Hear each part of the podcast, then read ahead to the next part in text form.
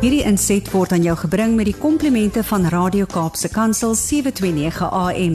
Besoek ons gerus by www.cape pulpit.co.za. Baie baie welkom by nog 'n episode van Geestesgesondheid net hier op Radio Kansel en Kaapse Kansel. My naam is Gerda Kriel, kliniese sielkundige van Somerset Wes, en in hierdie maand van Januarie fokus ons op die goeie gewoontes wat jou geestesgesondheid positief kan impakteer. Ons het nou al 'n bietjie gepraat oor die gewoontes wat jy kan aankweek om jou te help om beter geestesgesondheid in die nuwe jaar te hê. En soos in elke vorige episode wil ek net herhaal dat die advies wat in hierdie reeks gegee word nie bedoel is om jou medikasie te vervang of jou terapie of jou berading hoegenaamd nie. Gaan sien asseblief die professionele mense nog steeds wat 'n pad met jou stap en maak seker dat jy jou medikasie aanhou gebruik as jy iemand is wat op medikasie is.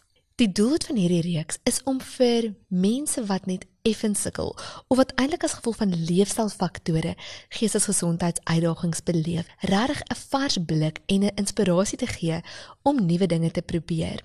Enige iemand kan baat by die verandering waaroor ons in hierdie reeks praat. So dit maak nie saak of jy al vir jare op medikasie is of nie is nie, as jy hierdie veranderinge implementeer, bewys die navorsing vir ons dat dit waarskynlik jou geestesgesondheid gaan bevorder. Let wel nie heeltemal eradicate soos die Engelse sê nie, maar bevorder en regtig help. So, ek spring sommer in en ons praat vandag oor hoe om te eet vir goeie geestesgesondheid. Nou, kos die laaste paar jare het ek wil sê 'n baie gelaaide onderwerp geword. Jy hoor jy moet organies eet en jy moet meer vleis eet en jy moet glad nie meer brood eet nie.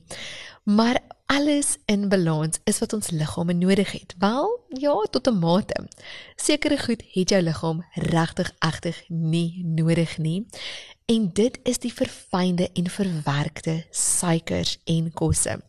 Nou studies wys vir ons dat verwerkte suiker en verwerkte kosse 'n groter korrelasie het met mense se verhoogde vlakke van angs en depressie en selfs sekere maniese episodes in mense kan ontlok.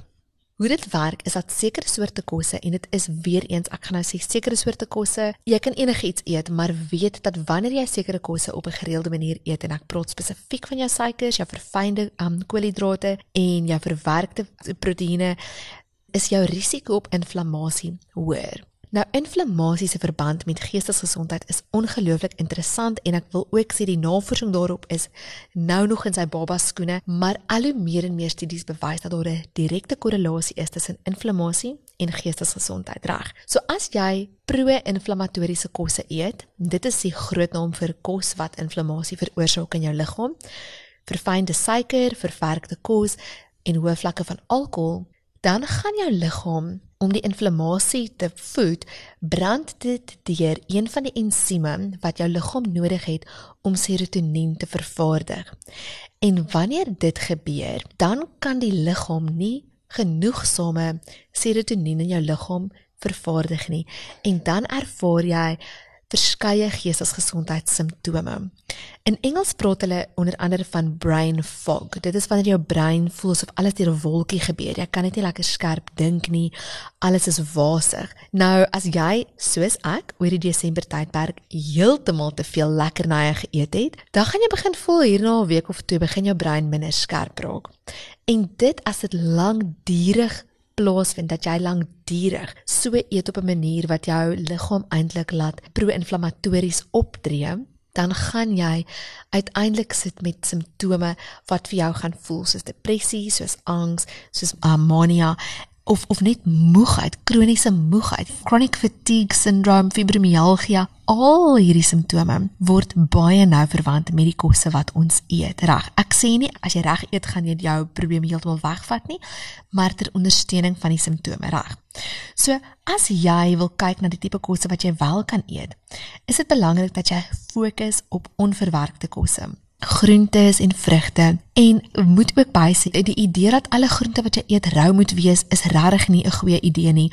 Ons kook die kos sodat ons meer voedingsstowwe daaruit kan trek en sodat ons liggaam dit makliker kan verteer, reg.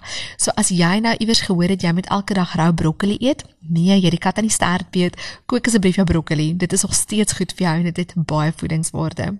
Nou, ons weet dat suiker in geprosesede kosse is inflammasie veroorsaak wat kan lei tot gemoedsversteurings en dit is ook die soort kosse waarin ons die maklikste gryp wanneer ons 'n bietjie gespanne voel. En ek wil vir jou sê, as jy nie gewoonte kan kom om wanneer jy gespanne is, ietsie anders te eet wat ook jou laat goed voel, wat nie so verwerk is nie, gaan jy regtig op die lang duur kos bemeester en kos eintlik kan gebruik in 'n manier om jou angs en depressie te help bestuur. Byvoorbeeld, ons weet dat 'n vinnige sjokolade gaan tydelik jou bloedsuiker laat hoër skiet. Jy gaan meer energie en jy gaan vir 'n tyd lank beter voel. Daardie effek hou gewoonlik vir 'n halfuur of 2. Maar as jy 'n wortel gryp en ja, ek weet 'n wortel en sjokolade is nie dieselfde ding nie. Jy hoef dit nie vir my te sê nie. Ek is baie lief vir sjokolade, maar alles in matigheid, né? So, as jy 'n wortel eet en daardie kraakfaktor van 'n wortel of 'n appel skei in jou liggaam hormone af wat jou brein help om serotonien te vervaardig. So, wanneer jy dit eet, begin jy ook beter voel as jy byvoorbeeld frustreerd voel. So, ek wil hê jy moet bietjie begin anders dink. Is die kos wat jy comfort food noem goed vir jou? Does it really comfort you or does it temporarily ease you? En dan los dit jou slegter af. Nou, die waarheid is meeste van die kosse wat ons eet as comfort food voel in die oomblik ongelooflik lekker, maar 'n uur of wat daarna begin ons die nagevolge daarvan voel. Nou as jy fokus daarop om genoeg vrugte en genoeg groente te kry, dan sal jy alreeds 'n verbetering kry in jou geestesgesondheid en dan kosse wat ryk is in omega-3 vetsure. Salm is een van die beste bronne daarvan, maar so ook sardientjies wat baie meer bekostigbaar is en jy het nie nodig om dit elke dag te eet nie. 2 of 3 porsies daarvan is ook goed. Blaargroente het nou weer baie yster in en B-vitamiene wat ook help om jou brein te ondersteun. Neute, saaitjies, boontjies, lensies is ook uitstekend vir jou brein se gesondheid. Nou, ons het altyd net gefokus op kosse wat die brein bevoordeel en ons weet van omegas, ons weet van jou B-vitamiene. Maar die laaste paar jare het navorsers begin kyk na die interessante skakel wat daar is tussen jou ingewande of in Engels jou gut en jou brein. En ons het geleer en ons het ek het dit nie geweet nie. Ek belowe julle toe ek studeer het wat nie verskriklik lank terug is nie, was hierdie kennis nog nie redelik beskikbaar nie. So in die afgelope paar jaar het ons geleer dat jou ingewande en jou brein is fisies aan mekaar geskakel deur die vagus senuwee. En die twee stuur vir mekaar boodskappe.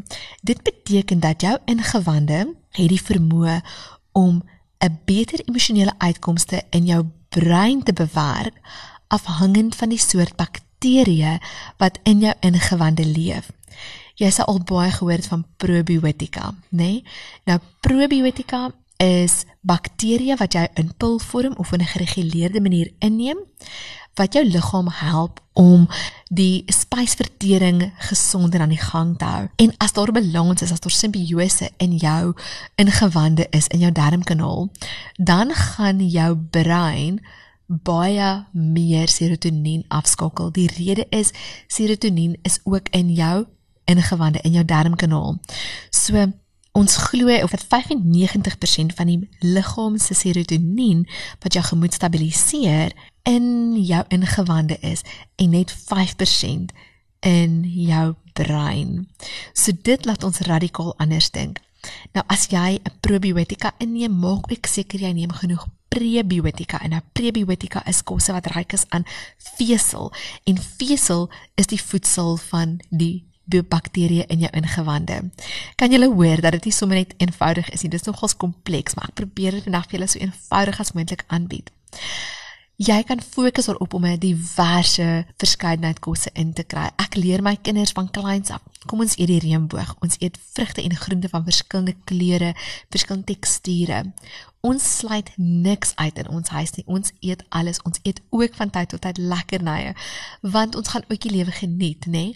Maar as jy dit kan hou in die minimum, maar jy fokus om so 90% van jou dieet regtig vir onverwerk en en goeie kosse te maak, goeie kwaliteit kos wat jou brein bevoordeel en jou liggaam bevoordeel, gaan jy 'n verandering in jou geestesgesondheid voel. Die laaste stap wat ek wil sê, die laaste ding wat ek wil sê oor eet wat ons eintlik so onderskat, is die hoe jy eet. Deur stelselmatig stadiger te raak wanneer jy eet, deur te eet by 'n tafel met jou geliefdes rondom jou, het baie meer voordele vir jou in as om so vinnig as moontlik met twee happe iets in te sluk. Ek wil julle regtig uitdaag. Ek wil julle vra, dek weer 'n tafel. Begin om net stadiger te eet. Kou jou kos, proe jou kos. Raak bewus van dit wat jy in jou mond sit. As jy geneig is om wanneer jy gespanne is sommer die eerste ding te gryp en jouself heeltemal te ooreet, begin nie gewoonte kom om te sê wag, as ek gespanne is, kom ek drink net gou eers 'n glas water. En dan kan jy sê, "Goed, kom ons begin nou kyk. Ek is gespanne, ek wil iets eet, maar wat is die wortel van die gespannenheid?" O, dis eintlik 'n e-pos wat ek gekry het of 'n boodskap of dis eintlik ietsie anders. En op daardie manier kan jy die wortel aanspreek van jou gespannenheid sonder om jou emosies toe te gooi onder kos. Ek weet dat kos en en eetversteurings 'n onderwerp heeltemal op sy eie is. En weer eens wil ek julle herinner dat hierdie Januarie maand se wenke bedoel is om vir jou drie gewoontes te gee wat doenbaar is vir ons elkeen waarop jy kan fokus om 'n beter geestesgesondheid vir jouself te bewerkstellig. Ek glo dat ons met hierdie grondslag regtig 'n positiewe verskil in ons eie lewens kan hê. Mag jy meer nuuskierig wees oor dit wat ek oor gepraat het hierdie maand, gaan luister gerus na die ander episode. Dit is op podcast beskikbaar by Radio Kansel. En maak seker dat jy ingeligte besluite maak rondom die kos wat jy eet, die oefeninge wat jy doen en die manier hoe jy jou slaaproetine gaan aanpak. Volgende week kuier ek saam met Andri in die ateljee waar jy welkom is om vir ons vrae te stuur as jy enige vrae het of as jy self 'n ervaring gehad het van hoe jou oefen of jou slaap of jou eetgewoontes jou geestesgesondheid bevorder het. Stuur asseblief vir ons boodskap, ons wil so graag van julle hoor. Mag julle 'n geseënde week hê. Ek sien so uit om volgende week weer saam met julle te kuier. My naam is Gerda Kriel en ons praat volgende week weer. Totsiens. Hierdie inset was aan jou gebring met die komplimente van Radio Kaapse Kansel 729 AM. Besoek ons gerus by www.cape pulpit.co.za.